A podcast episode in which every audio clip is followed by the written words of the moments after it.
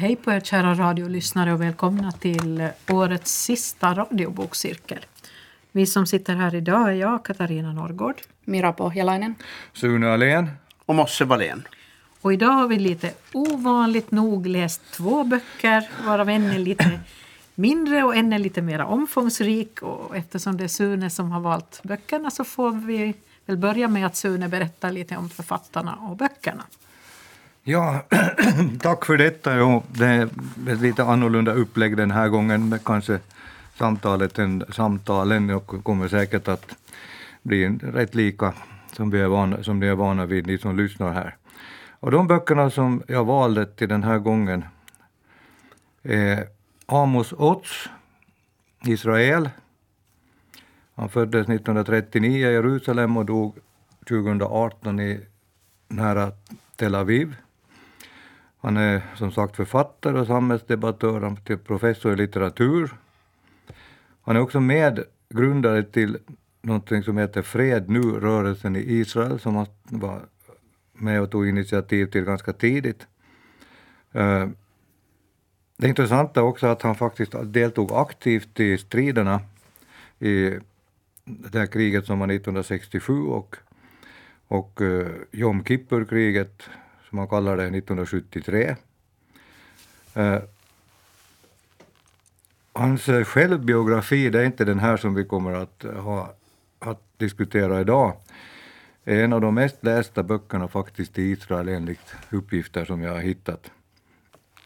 Men boken som vi kommer att titta på det är Amos Otts lilla skrift på drygt 80 sidor, Hur man botar en fanatiker.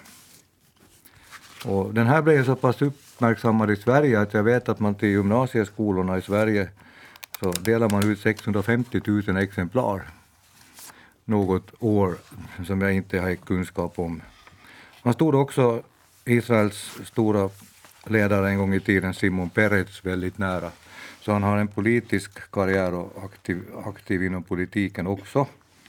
Men mycket omdiskuterad i Israel på grund av sina tankar och idéer och funderingar kring konflikten Israel-Palestina. Det var en av orsakerna till att jag fastnade för den här boken eftersom det dök ju upp då detta som är nu nästan i varje nyhetssändning ganska många minuter om, om kriget mellan Israel och Hamas och det här dådet som utfördes då, jag minns inte vilket datum det var. Sen, och då kan ni hålla i er lite grann, för den bok som jag på något sätt fick för mig att inte har riktigt med Amos Otts bok att göra, men med lite tema. Vi får se vad diskussionerna för fram här idag. Det är Ulf Kvenstlers bok Sarek. En psykologisk thriller rubriceras den som, eller deckare kanske då. Och vem är då Ulf Kvensler? Jo, han är född 1968, alltså, alltså betydligt yngre. Och han lever fortfarande. Han är skådespelare, manusförfattare kanske mest känd som, regissör också, komiker till och med. Och numera då författare, detta är hans första alster. Och den belönades 2022 eh, med Svenska Deckarakademins pris som bästa var det ny, nykom, nykomlingen och sånt här. Och för ni som har följt med i TV så är han ju känd från, som manusförfattare till Solsidan och den här mycket uppmärksammade Vår tid är nu. Så, och kanske när man, det får vi se vad mina vänner här säger, att man kan skönja någon form av manusådra eh, i den här boken också, vi får se. Alltså debutromanen Sarek kom 2022. Debutpris och så var det. Eh, jag kan ju avslöja att min tanke var, när jag valde de här båda böckerna, alltså som är så två olika genrer, så var just det här som ett tema är fanatism. Jag tänker där inte börja gå in i vad de här böckerna är, för att annars skulle jag prata otroligt länge här nu. Så att jag undrar om det räcker det här, Katarina, så här långt. Det, det, tror jag väl. Jag misstänker att vi kan ha en del att säga om det här. Uh, jag konstaterar här innan vi börjar diskussionen idag att, att hade det inte varit för att vi ska prata om de här böckerna i radiobokcirkeln så hade jag nog kanske inte läst ut Sarek därför att den, eh, det var väldigt obehagligt delvis. Det var på, på sina ställen så var, det, var den väldigt Eh, jag vet inte vad jag ska säga egentligen men det, det, det, kändes som om någon tittade över axeln på en hela tiden och jag gillar inte riktigt den känslan. Eh, men jag är nog glad att jag läste ut den och, och det här kan säga att, att jo, det, den är... Den kanske, man kan säga så här att eh, det här var hans första roman och det kanske märks lite.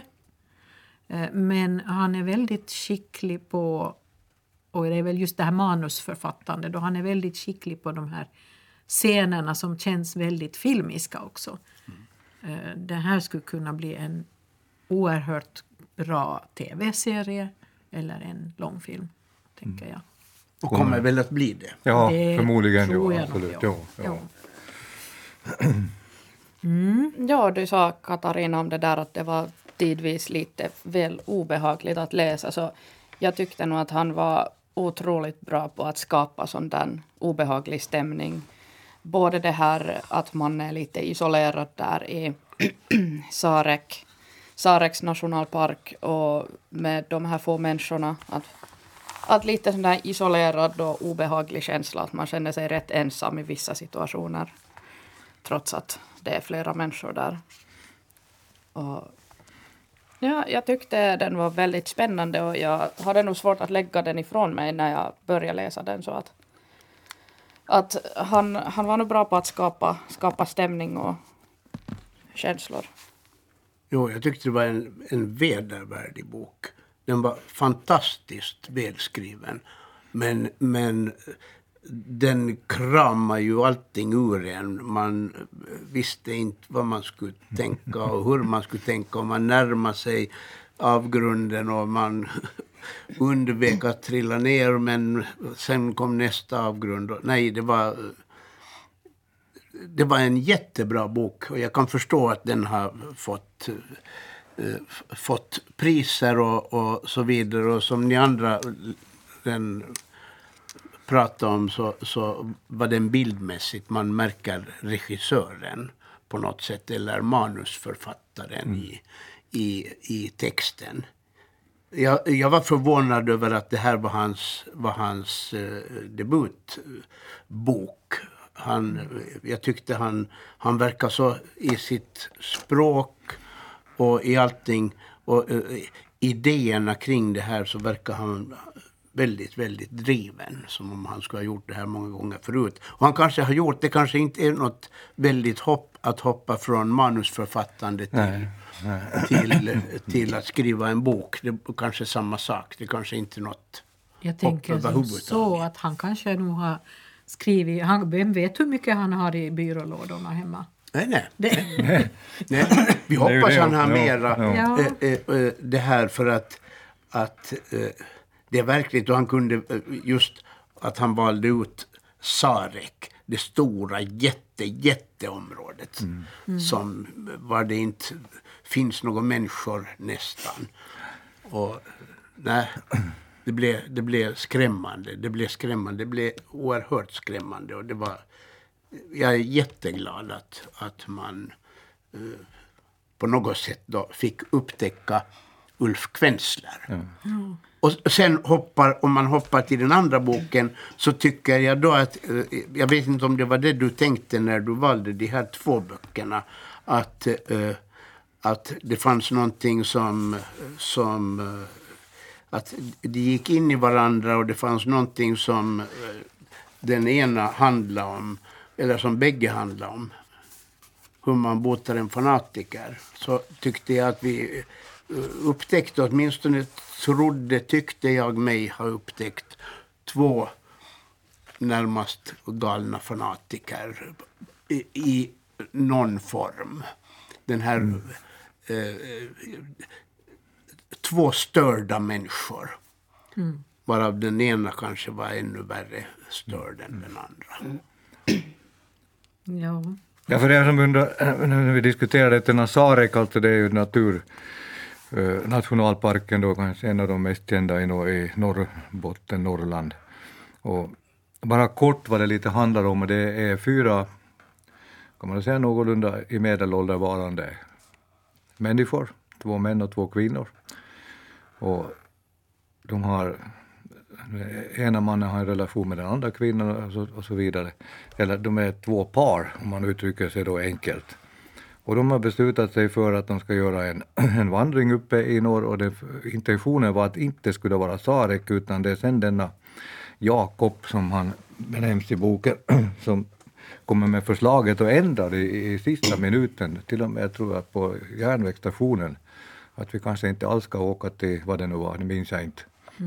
Och, utan vi åker till Sarek istället. Abisko det, Abisko var det, ja. Just det. Och sa, så åker till Sarek istället och då blir de andra lite ställda. Att vadå, det här skrinlägger ju alla våra planer och med allt med proviantering och rutter och hur man tar sig dit och så vidare. Och sen utspelar sig ett och annat där under den här vandringen som då, när jag tänkte på det här så kom jag fram till, men här har vi ju kanske den här beröringen på något sätt när det gäller just fanatismen.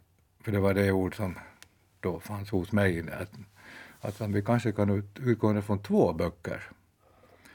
Och den här gången valde jag nu i alla fall inte Knausgård på drygt 600 sidor, men, men det blev i alla fall rätt 666 mastigt sidor. eftersom det är två skilda. Så det, det är en... eh, eh, Är det på något sätt, jag vet inte vilken vilja det Ulf Kvensler har, men han vill han visa på något sätt. Det dyker upp ganska ofta där i boken faktiskt ordet, ordet, eh, ja, alltså det här, om man är, han är lite sjuk på något sätt, han är alltså en som manipulerar. Mm. Och han i sin fanatism kanske då blir en psykopat, det var det ordet jag sökte. Mm. Och då tänkte jag så här att har fanat, fanatikern och psykopaten någonting gemensamt, alltså att det är på något sätt det man vill gestalta. Alltså litteratur är så fantastiskt. Att man kan från en bok till en annan med olika, då är ett stort djupt hav emellan, ändå kanske finna någonting som tilltalar en och bör man tänka lite till. Då. Jag tänker på det, för jag tror nämligen att, att eh, Amos Oz nämner det här med att fanatiken är eh, jag minns inte om han använde uttrycket psykopat, men han är narcissist i alla fall. Och den här Jakob Isarek, han är ju definitivt en narcissist. Klass, alla klassiska tecken. Han, han anser att, att det är liksom hans väg är den enda rätta och Ja. alla, alla måste Ja. naturligtvis följa honom. Han är en riktig sån här alfaman. Att Någonting som kanske borde ännu ha nämnts om den där handlingen i Sarek, att det var två par som åkte på den här vandringen, men det var ju så att tre av dem, det här ena paret och den här kvinnan, så de var ju, de hade Exakt. känt varandra Precis, länge ja, ja. och vandrat tillsammans många gånger. Och så kommer den här kvinnan ganska på sista minuten och frågar om hon får ta med sin nya pojkvän som är då den här Jakob. Och jag Ja. tyckte att det, att läsa just att hur han beter sig när någon säger emot eller hur han försöker övertala just att nej, vi ska byta, vi ska till Sarek istället. Att nej, nej, att jag har planerat sig och nej, nej, vi ska vara det, där och göra det här. Så, så det är precis som Katarina säger också att så här riktigt så att säga alfa, alfa narcissist, narcissistisk, manipulerande, ganska psykopataktig karaktär som är oerhört obehaglig att läsa om. Och säkert om, om någon har träffat sådana människor i verkliga livet så man får kanske nog lite flashbacks till, till, till de där människorna när man läser den här boken. Jo, jag, jag tänkte just säga det att som en sån här liten varning att den, den kan vara något ångestframkallande, åtminstone vissa partier i den här boken. Så, så, så man får komma ihåg att andas, faktiskt. Den är oerhört spännande. Och väldigt, ja, jag måste säga vedervärdig. Jag är nästan bö- böjd att hålla med. Den är jättebra, men den är vedervärdig. Ja, Ja. ja. Att en sak ska jag säga om stämningen ännu, att jag nämnde det här Sarek som att han skapade stämningen så bra. Någonting som jag förknippade lite med att det kändes nästan klaustrofobiskt trots att den här eh, Trots att den här eh, omgivningen är en stor naturpark med berg och fjäll och himmel och skog och allt möjligt så, så det kändes, han fick det kännas snarare klaustrofobisk. Och den, det Ja. var väldigt intressant, att hur man lyckas med det. Det är skickligt gjort för det, det blir liksom lite det där slutna rummet. Du kommer inte bort. Men det är ju ett enormt område, det är ju hur Jo. många hektar som helst. Men, Men eh, du är ju utlämnad. Också, du är ju också fast i Ja. Mm. sällskapet på något sätt och därför blir det det slutna rummet att du inte kan ta dig ut för då är du god så att Mm. säga. Man behöver varandra. Man behöver varandra. Ja. Man måste kunna lita på varandra och det är ju just det som man inte kan. Vi ska inte avslöja kanske. för mycket. Men, men nej, det, det, alla är inte pålitliga. Nej. Nej. nej, nej, nej, det är inte alla. Nej. Det är så synd att för att jag skulle vilja diskutera den här boken så mycket men jag kan inte säga de sakerna jag skulle vilja för att annars eh, förstör jag den här upplevelsen för de som inte har läst den ännu men den, ja, det ska jag bara säga. Så att, ja, jag har så mycket att säga om den här boken så sen när ni alla har läst den här så kan vi göra ett nytt avsnitt när vi alla får diskutera den tillsammans. Ja, bättre reklam kan väl en bok inte få, Nej. nej. om ni lyssnar på det här. Ja, nej, nej, det är bra. Det är en bok som jag tycker alla ska läsa. Den Men det, kommer kan att man, ruska om Ja. en. Men det kan man nog säga om hur man botar en fanatiker. Då, för nu har jag liksom, Jo. jag har läst den flera gånger nu för att jag behövde bearbeta den. Så jag har läst den för, både före och efter Jo. Sarek. Och det var nog smart att läsa om den. Ja. Och det var en stor, tyckte jag, eh, eh, ett väldigt stort hopp från någon form av galenskapens värld in i ett lite mjukare, klokt eh, resonerande. Man blev, blev, eh, blev rörd och berörd av, av eh, och så blev man, tyckte jag, lite klokare. Kanske, Hoppas till och med, det. kanske till och med mer än lite. Ja. Kanske till och med mycket klokare. Det var en, en, en jättefin fin liten bok. Ja. Jag läste den för, vad kan det vara, 10-15 år sedan och hittade den i en bokhylla hos, på landet som man säger i Sverige, de som har sommarstugor. Och eh, jag tänkte, men det här, är- jag hade inte läst det före det, annat än hört om den. Och så läste den och det blev lite en sån här ögonöppnare och en liten käftsmäll kommer jag ihåg då. Att det här med fanatiker och fanatism, vi har ju lätt en bild av vad är det egentligen, alltså en person som är bara inriktad på en enda sak och det stämmer ju. Men, men sen skriver han på ett ställe till exempel att fan, en fanatiker är ju altruistisk. Mm. Och vad, lä- slår man upp det så blir det plötsligt ett ord som är motsats till egoistisk. Mm. Att vad man menar liksom, Amos Oz, han är ju naturligtvis en filosof också. Och, och det är sånt här som gör att man plöt- plötsligt tänker till att fan, jag säger han på flera ställen där också, att, att en fanatiker tänker ju egentligen inte på sig själv. Utan fokus är på Grejen. ja, grejen och människorna runt omkring. Att den idé han har eller det eller hon och så vidare, som, men det vill jag överföra därför att det här är det rätta, det är det som räddar dig och det är det som gör att ditt liv blir ett bra liv. Jo, precis. Och Det, den kopplingen så får man ju den fick jag komma ihåg då och den förstärktes ju nu när jag läste den på nytt. Att eh, vad sätter vi in i det här ordet fanatism och så blir det där genast då sådär. mm. Denna Jakob som vi nu pratar om här i Sarek då, att är det också hans motiv? Eller är han bara ute efter att få sin lustupplevelse och tillfredsställelse att få kompisar med att, att gå? Han har ju tidigare varit i Sarek. Jag tycker han eh, mera för sin egen. Han Ja, är... ja. Jag tror inte han bryr sig egentligen om någon. Det, han är egoist, tycker jag. Och, och vill köra, är, är övertygad om att, att köra sitt eget race eh, och alla andra ska följa, följa det. Det var du också inne på. här, Ja. Att, att, Han är ledarhanen. Ja, ja, ja, Jo. absolut, jo. Eller åtminstone uppfattar han han sig säger som det. själv Jo, som... jo, jo, han ser ju sig precis, själv ja. så. Ja.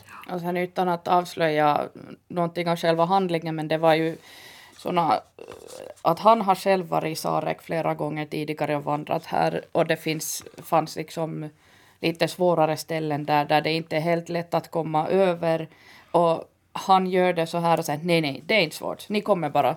Men sen visar det sig att det är väldigt utmanande för vissa av de här. Och han istället för att direkt vara hjälpsam och medlidande eller sympatisk så framstår snarare som att han är väldigt otålig och frustrerad över att de här andra inte Ja. är på hans nivå. Men samtidigt så verkar han njuta av den att han, Ja. han är liksom överlägsen. Och han att, att det här liksom platsen spelar, spelar in så att säga. Hos, hos honom att, att han, han är liksom tuppen, tuppen där. Och de andra är, bara försöker sen hinna ikapp. Men här är det ju, nu tänker jag, alltså eh, de här naturbeskrivningarna och hela det här, som du sa Mira, så att, att det är liksom väldigt väl beskrivet hela det här Sarek och det, det blir väldigt klaustrofobiskt. Men det är också väldigt vackert. Det Jag, jag tycker Sarek är den här femte personen på något sätt här igen. Att det är liksom en, den, den spelar en väldigt viktig roll förstås, ja. naturligtvis, eftersom de är utlämnade åt det. Tanken var ju då att de skulle ha farit på sin vandring mitt i sommaren. Och istället blir det då ja. i september när det är regnigt och kallt och, och jäkligt och, och det, är, det är liksom frågan om att man måste verkligen få allt att fungera för att det inte ska hända någonting allvarligt. Vilket det ju naturligtvis gör. Ja. Ja. Jo, jo. Så mycket kan vi ju avslöja för det, det är som sagt en psykologisk thriller. Det händer saker. Ja, ja. Ja. Men, Men, ja. ja. Vad tänkte du säga? Sue? Ja, nej, men jag tänker lite tillbaka på den här Amos Otts också. Han blir den, boken är 88 sidor mot, jag vet inte hur många det där är, men att den är också väldigt tungt fylld med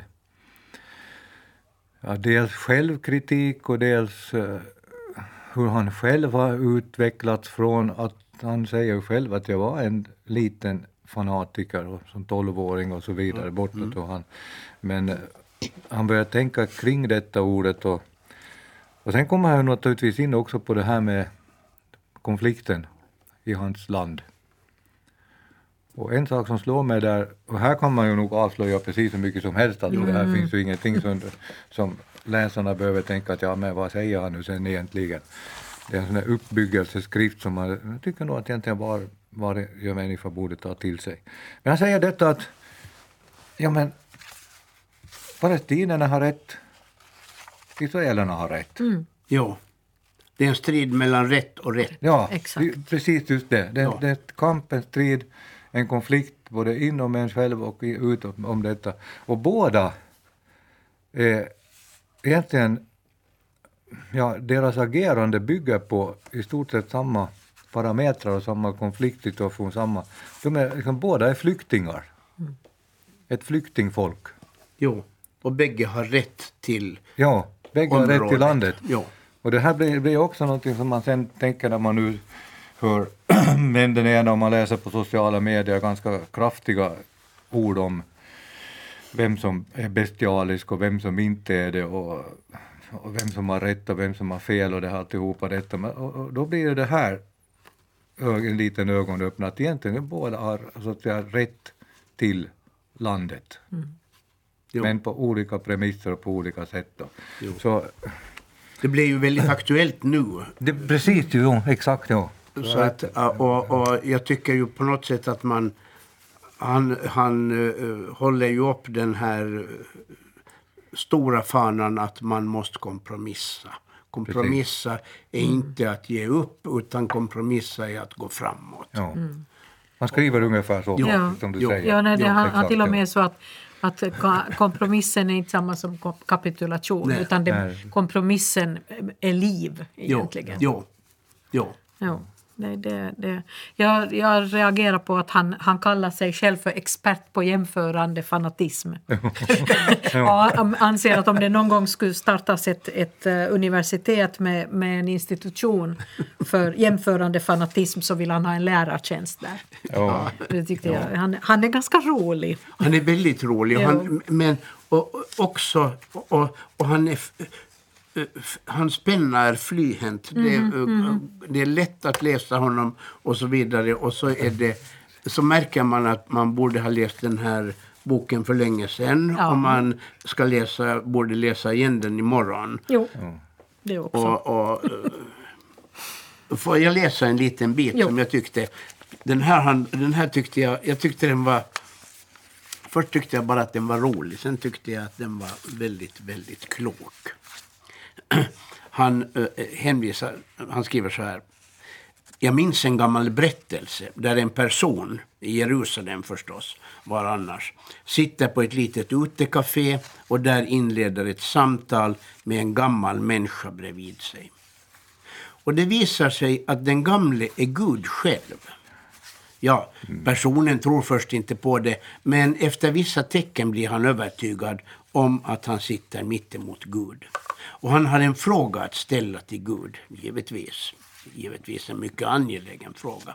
Han säger, käre Gud, var nu snäll och tala en gång för alla om vem som har den rätta tron. De romerska katolikerna eller protestanterna? Eller kanske judarna? Eller är det muslimerna? Vem har egentligen den rätta tron?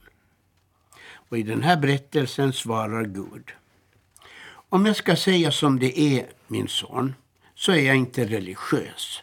Jag har aldrig varit religiös. Jag är inte ens intresserad av religion.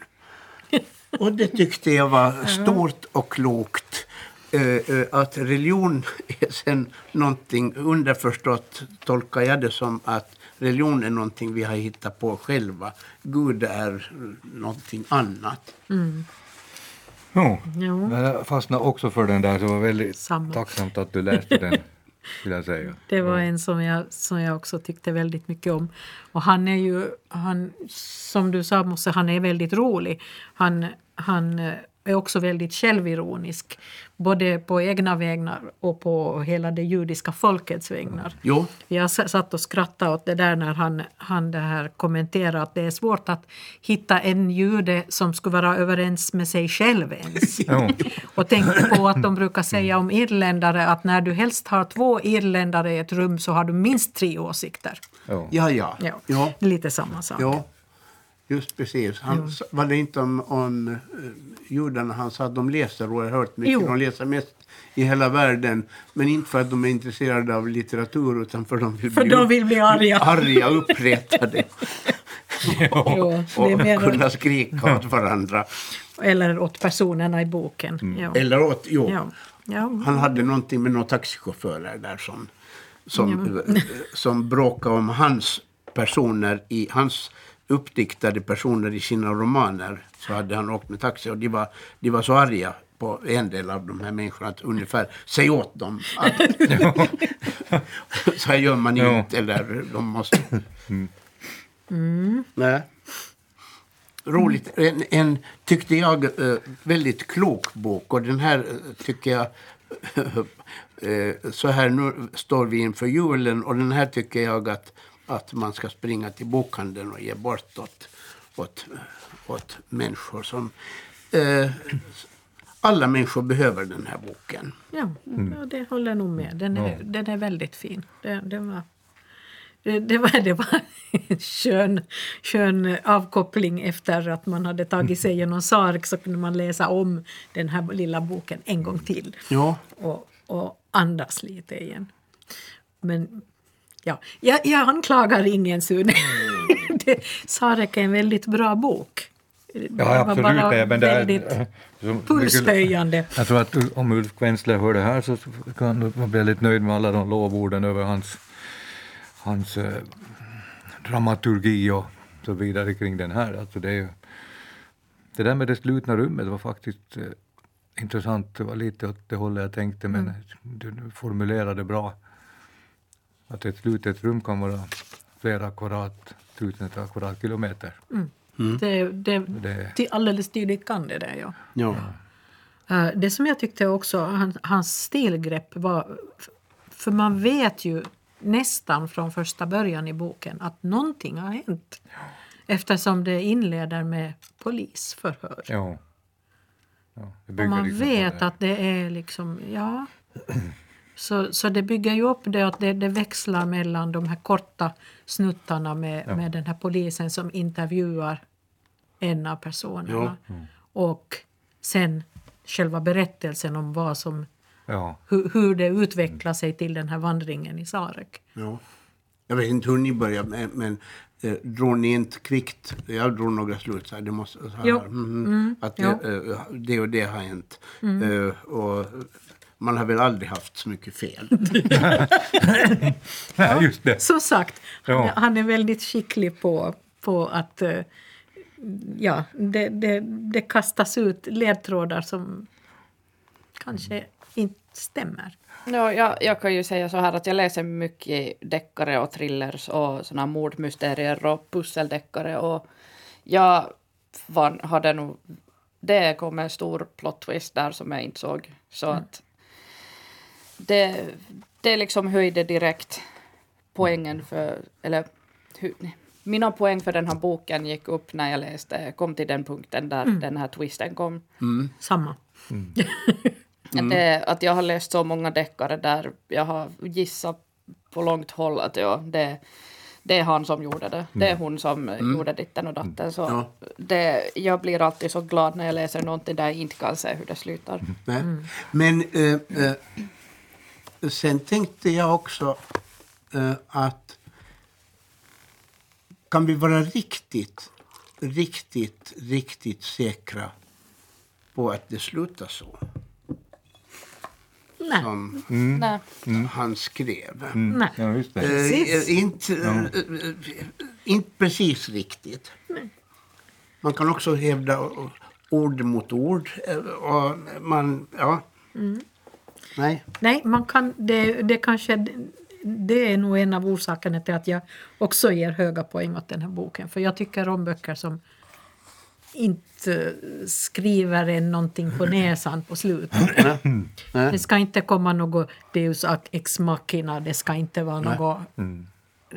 Nej, det får gärna vara ett öppet eller outtalat slut. Ja. Så, Och det kan också sen eh, lite irritera på slutet. Att, Ja, men, ja, Å- Åtminstone mig, men, men sen eh, är liksom när man ska bedöma hela boken så, så är jag glad åt att jag, att eh, jag blev lite irriterad. Jag är påverkad av hela, hela det. man, det kändes viktigt, tyckte jag. Jag tänker så här, för jag menar, det är en annan sak när en författare lämnar ett öppet slut och man märker att det bara bäddar för del två i trilogin. Ja, jo, nej, ja, det ja, det ja, är en helt annan... Det här är inte en nej, så... det här är inte sånt. Nej, Nej. Det här är nog en avslutad Jo, berättelse. Jo, det är det. Men hur slutar den? Det är sen en sen helt annan historia. lite. Ja. Du, du sa Katarina att du gillar böcker med öppet, att, som har lite öppet slut. Och Ja. En av mina favoritgrejer däremot är opålitliga berättarröster. Så den, när man började, när man läste vidare lite så började jag förstå att hmm, ja, vad ska jag tro här nu? Och den, eh, det är en av, en av- en mina favorit, favorit tropes, om man säger så. Jo, det, ja, jag är i samma läger. Tycker också om det där när man inte kan vara 100% säker på att... Men innan tiden går ut så skulle jag ändå vilja ställa den där frågan eftersom eh, återgå till Amos Ots då. Det här blir en sån här diskussion sån rundgång mellan olika böcker. Men det är, eh, jag tycker att när ni då, här till julen nu, så, läs båda två så får ni fundera på om de har något med varandra att göra. Nej men ah, boken heter Hur man botar en fanatiker, sen har den en liten undertitel och om att skriva. Och vad säger ni om detta? Får man något svar i boken hur man botar en fanatiker?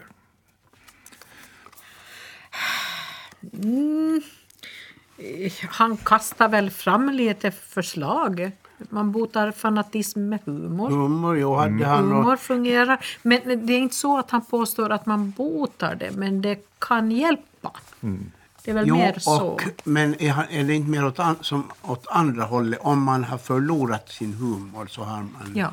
så kan man eh, lättare, man kanske inte måste bli, men man kan lättare bli en, Mm. en fanatiker. Och eh, eh, sa han inte till och med att, att en fanatiker oftast saknar Um, om ni lovar att ta det följande med en rejäl nypa salt så ska jag berätta att jag åtminstone i princip tror mig ha uppfunnit botemedlet mot fanatism. Sinne för humor är en fantastisk kur. Men jag kommer inte ihåg liksom sen om han, hur, hur man slänger fram det. Nej, jag tror inte att han slänger fram det heller på något Men, sätt. men hur kan man med humor, jo man kan sitta och skoja med, med fanatikern men, men mm, måste inte fanatikern på något sätt ha något, eller kan man växa hum, humoristiskt? Det kan, jo, då kan man väl det. Ja. Man, att man kan odla sin humor. ja, det måste man ju kunna göra. Jag menar, om man kan förlora den så kan man väl Jo, få precis. den också. Ja, det finns ju en sak, en som, ja, det har inte lösningen på det där, jag tror inte att Amos Otts presenterar den heller så fullt ut. Men han lyfter fram ett ord förutom humor som jag håller fullständigt med. Och, och det är ju fantasin. Ja. Att det är Det- den han lyfter väldigt mycket starkt fram att, att en, för att på något sätt få en människa att inte bli fanatiker eller om den är fanatiker kanske att komma ut ur det så måste detta med fantasi. Och eftersom det är en, en bokcirkel så han lyfter, han lyfter fram detta med litteraturen. Alltså, jag önskar att jag i detta sammanhang kunde säga att litteraturen alltid är svaret eftersom litteraturen genom att förse läsarna med fantasi är ett motgift mot fanatism. Och, men sen kommer man ju ganska snabbt också att tyvärr är det inte så enkelt för att det finns också många dikter och berättelser och dramer i historien som eh, används för att uppväcka hat och nationalistisk självrättfärdighet. Och många sånger och många kamp och så här vidare bortåt, så det är också litteratur. Men jag tycker det också var lite intressant det där med Shakespeare, man kan ju inte låta bli att nämna det. Att varje form av extremism och fanatism, varje kompromisslöshet, kompromisslös korståg slutar hos Shakespeare antingen i tragedi eller i komedi. Fanatikern är aldrig lyckligare eller mer tillfredsställd i slutet. Han är antingen död eller också har han blivit ett skämt. Så det, det är liksom en, en, en Jo. så att det, det, det, det ena mo- motsätter det andra lite grann, men med, med, med fantasin och... Jag tror någon gång jag har läst eller hört någonting om just Amos Otts kan det vara där man också eh, använder ordet nyfikenhet.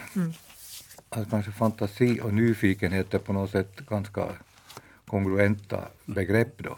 Ja. Jag hade också någonting som jag tyckte om som han, som han hade sagt om det här med, med humor. Eh, Jag gillar det för det var eh, så här skriver han. Som jag sa tidigare är förmågan att skratta åt oss själva delvis ett botemedel och förmågan att se oss själva så som andra ser oss är också en medicin. Att kunna leva öppet och förutsättningslöst, att till och med lära sig uppskatta förutsättningslösa situationer, lära sig uppskatta mångfald kan också vara till hjälp. Och så fortsätter han med att han inte predikar någon moralisk relativism. Eller. Men, men just det här att förmågan, det är inte bara den här humorn utan förmågan att skratta åt sig själv och se sig själv från utsidan.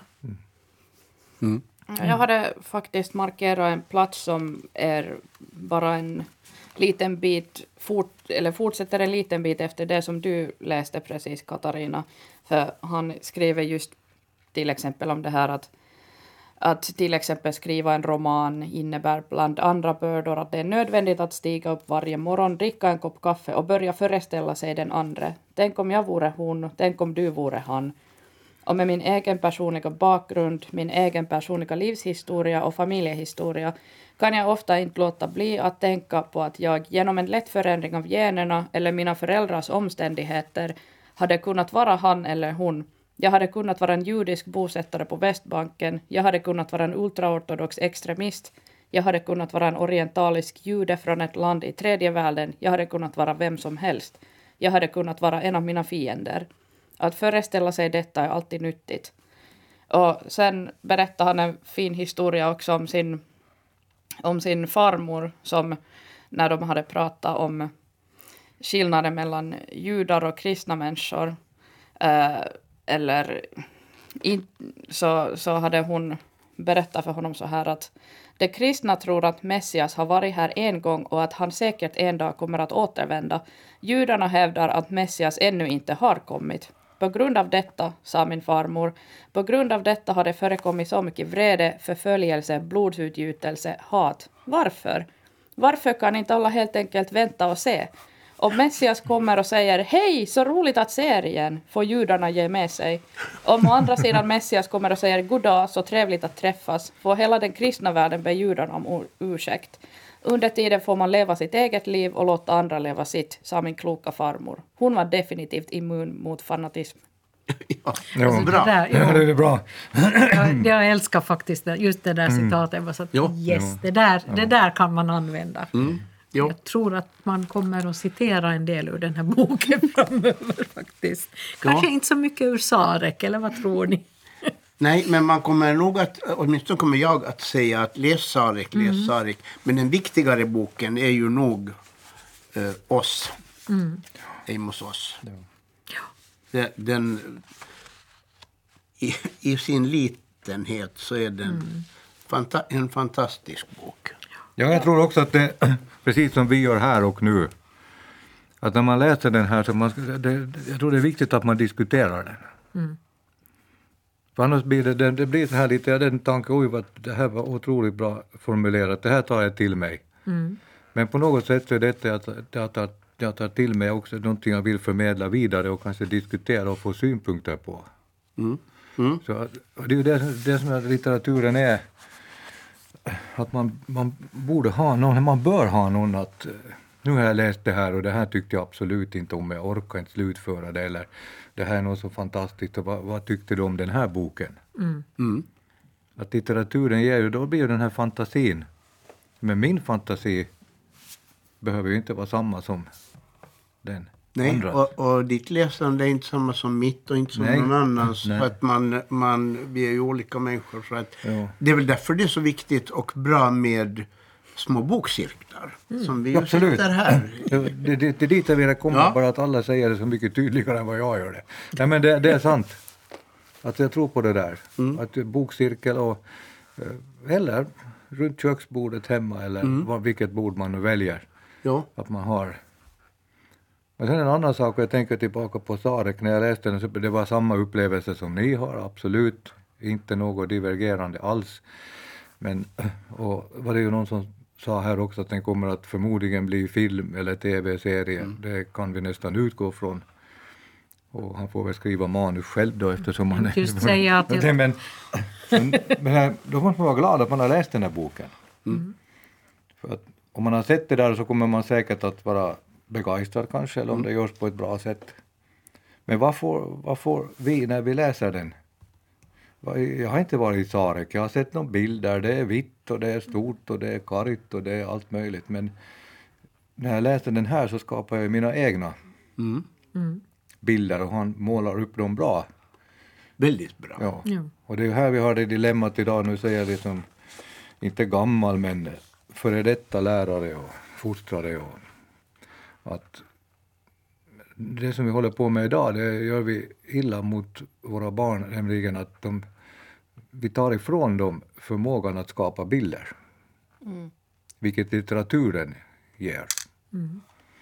Vi, vi producerar bilder, de ser allting färdigt. Någon har sett det så här och så gör de en film av det, eller en bild av det, och så får de bilden klart serverad. Du behöver inte omforma den här. Ja, det är nog sant. Alltså jag, tänker, för jag brukar tänka på det ibland. Jag har, eh, det finns böcker som jag har läst efter att jag har sett filmen. Och det blir aldrig samma sak. Nej, nej. Därför att när man läser en bok, om man, om man är, speciellt om man är en van läsare och tycker, läser mycket, så har man en film i huvudet hela tiden. Ja. Du, har, du, du ser personerna, hurudana de är, du har platserna. Om de är välbeskrivna har du väldigt tydligt hur platserna Mm. ser ut.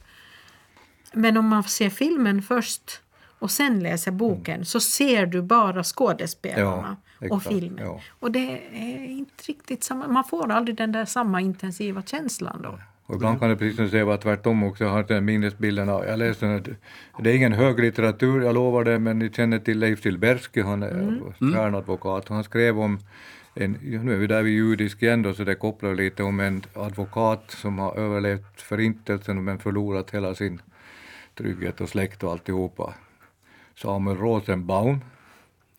Och han gjorde flera böcker på det där och så var det någon som kom på att men det här kan vi ju göra en tv-serie på. Till Berskis Rosenbaum är en, en, en kutig och vresig och ensam varg som går där till, till, till Kungliga biblioteket och letar efter, han håller på att läsa om, jag tror han det är Bober eller någon sån här som man fördjupar sig i, jag kommer inte ihåg. Och eh, min bild är att jag ser den, där den här svarta paletån och han går där i Kung- vad heter det, Humlegården och, och Stockholms gator och vill inte prata med någon. Men sen får han olika fall i alla fall. Och så gör man tv-serie på det. Och vem kommer som Samuel Rosenbaum? En frodig, ganska så hurtig liten Josefsson. Ah, Fullständigt fel och jag såg 20, 10 minuter sen, det, det, här går inte, det är inte samma. Nej. ja. Nej. Nej, nej. Ja, Erland, vad heter han? Erland Josefsson. ja, Ja. precis. Just. Ja, och nej, det, det är sant. Och det, är, det ska bli intressant att se. För som sagt, jag, tror, jag är helt säker på att det blir en tv-serie. Ja, ja. Jag Jo, kan tänka mig att det skulle kunna bli en tv-serie med fyra eller sex avsnitt, någonting i den stilen. Och då, då, om det görs i Sverige så skulle det, det är lite svårt att tänka mig vad de ska välja för skådespelare. Mm. Hoppas att de inte allt för fel. Jag vet hur de ser ut. Ja. Ja. Jag vet hur de här personerna är. Gå inte emot. Mm. Mm. Mm. Det tragiska när det gäller det som Amos Oz behandlar då, fanatismen och Israel-Palestina, att det är ju en serie som verkar ha ett långt ifrån ett slut. Jo, där är det där öppna slutet bara till nackdel. Jo, när, sa han, när skrev han det här? Äh, ut. 2002 eller något sånt här? 2004 kanske? Var det Jag kommer inte- 2004? Jag minns inte. Ja, det är någonting åt det hållet, så han, Ja. han dog alltså 2018. Ja, det är nog ungefär 20 år sedan tror jag som den Amos kom ut Oz först. 2002. Så var det. Engelska originalets titel, How to Cure a 2002, Fanatic. ja. Och det bygger ju på föredrag. Jo. Jo, jo. Jo. Det, Det märker man för han upprepar ju sig. Ja, det ja, kommer det ju kommer, ja. samma Jo, formuleringar just några precis. gånger. Jo. Ja. Jo. Men, men det är nog... Jo, det, det är nog en av årets läsupplevelser för min del. Jag säga. Ja. Det, Jo, för mig också. Tyckte jag. det, det, men man skäms lite som bokmal och, och, och bokcirklare och så här att man faktiskt inte har läst den här boken förut. Ja. lite så, för den är ju... Ja, Ja. Du har ju. ja du har, Jo, du har läst och den Sune. kände till det, men att faktiskt, eh, jag vet inte om jag skäms, men den kom nog ganska sent in i, men när den väl kom in så påverkade den nog en del av, kan jag säga också min undervisning. Ja. Ja, det kan jag tänka mig. Ja. Att det blev ett, ett sätt att ko- lyfta fram det här med fanatismen och nyfikenheten och, och eh, fantasin. Jag vet Humorn. att, jag har dis- Man har ju diskuterat hemma med, med, med skolbarn när de har läst historia och, och när de har läst filosofi och sånt. Och så diskussioner om just såna här svårlösta kriser, det här Mellanöstern, Israel, Palestina och Irland, Nordirland, England. Ja. Och, och det, har nog, det har alltid varit väldigt svårt att veta vad man ska säga åt ungdomar som undrar att vem, vem, hur, hur är det? Nej men det är ingen som har rätt. Eller så har båda rätt. Ja. Så nu kommer man bara stoppa boken i Ja, handen på precis. dem. Så- Varsågod, läs den här. Läs den här så pratar vi med jo. Ja. Så att, eh, ja, det, det känns som att han ge- ger eh, ett litet svar i alla fall. Nå, någon form av svar. Det, det lär inte lösa någonting. Men, men man är lite klokare i alla fall. Ja. Men han säger också vid ett tillfälle att, att eh, fanatismen börjar hemma. Ja. Det kommer en liten mening där, att det, det är där, där man får så att säga fröet. På ett eller annat Ja. sätt. Det är säkert sant. Jo, han jämför ju sig, han tittar ju på sig själv som Ja, ja Lilla ett barn. precis. liten unge som hade många åsikter. Ja, Ja. Ja. Precis. Om, om vi tittar på, på Sarek ännu så tycker jag eh, eh, vi kan ju inte diskutera handlingen så där väldigt mycket men, men eh, jag tycker han är väldigt skicklig att, att beskriva naturen. Han har väldigt vackra naturskildringar. Och han kan beskriva när de går och vad som öppnar sig så här när man har kommit upp för någon kulle eller någonting sånt här, en bergsrygg. Han, han, eh, han talar också om, han kan eh, synliggöra eh, bergsryggar. Han skriver bland annat om, om han drar parallellen till en drake. Vi går på drakens, drakens rygg och då går man på någon sån här, kan jag tänka mig, en, bergskam. Ja, precis. Vis. Att det bara är en sån här smal passage uppe på. Ja. Jo, får jag läsa en liten rad? Vi går längs drakens rygg. För mitt inre ser jag hur den vaknar och reser sig. Skakar oss av sig som små kryp. Ställer sig på bakbenen och vrålar mot skyn. Det vore en syn. Liksom man kan tänka sig just i det här storartade landskapet kan man tänka sig också en, en, så, en drake som stiger upp och vrålar. Jo. jo, men det är fint. Ja. Det är verkligt fint. Ja. Ja, vi, vad ska vi säga nu då? Vi, vi ska säga som så att vi har pratat om hur man botar en fanatiker av Amos Oz och Sarek av, av Ulf Kvensler. Och vi rekommenderar å det varmaste båda böckerna. Av lite olika orsaker kanske, men det är väl... Eh, sammanfattar jag rätt här nu? Ja. Ja, absolut. absolut. Och så kan man också säga att, att, att Amos Oz, hur man botar en fanatiker, eh, är ju årets julklappsbok. Ja, det, det rekommenderar vi verkligen. Och att man diskuterar det, Ja. Jo. Framför allt. Man ska ha en bokcirkel hemma vid köksbordet Ja, ja. om den. Det är Eller uppenbart. på annat ställe med. Jo. Så då tror jag att vi avslutar för den här gången. Och, eh, vi återkommer i januari men riktigt vad vi pratar om då vet vi inte ännu. Det får vi se. Eh, vi som har suttit här idag är jag, Katarina Norrgård. och jag Mosse Wallén. Och Sune Alén. Och Mira Pohjalainen. Eh, Ha en god jul nu allihopa och kom ihåg att läsa mycket böcker. Man ska köra den isländska modellen till jul, nämligen Julabokafloden och nu kunde jag inte uttala, det där. Där man ligger och läser böcker hela julaftonskvällen och äter choklad. God jul! Ja, God jul.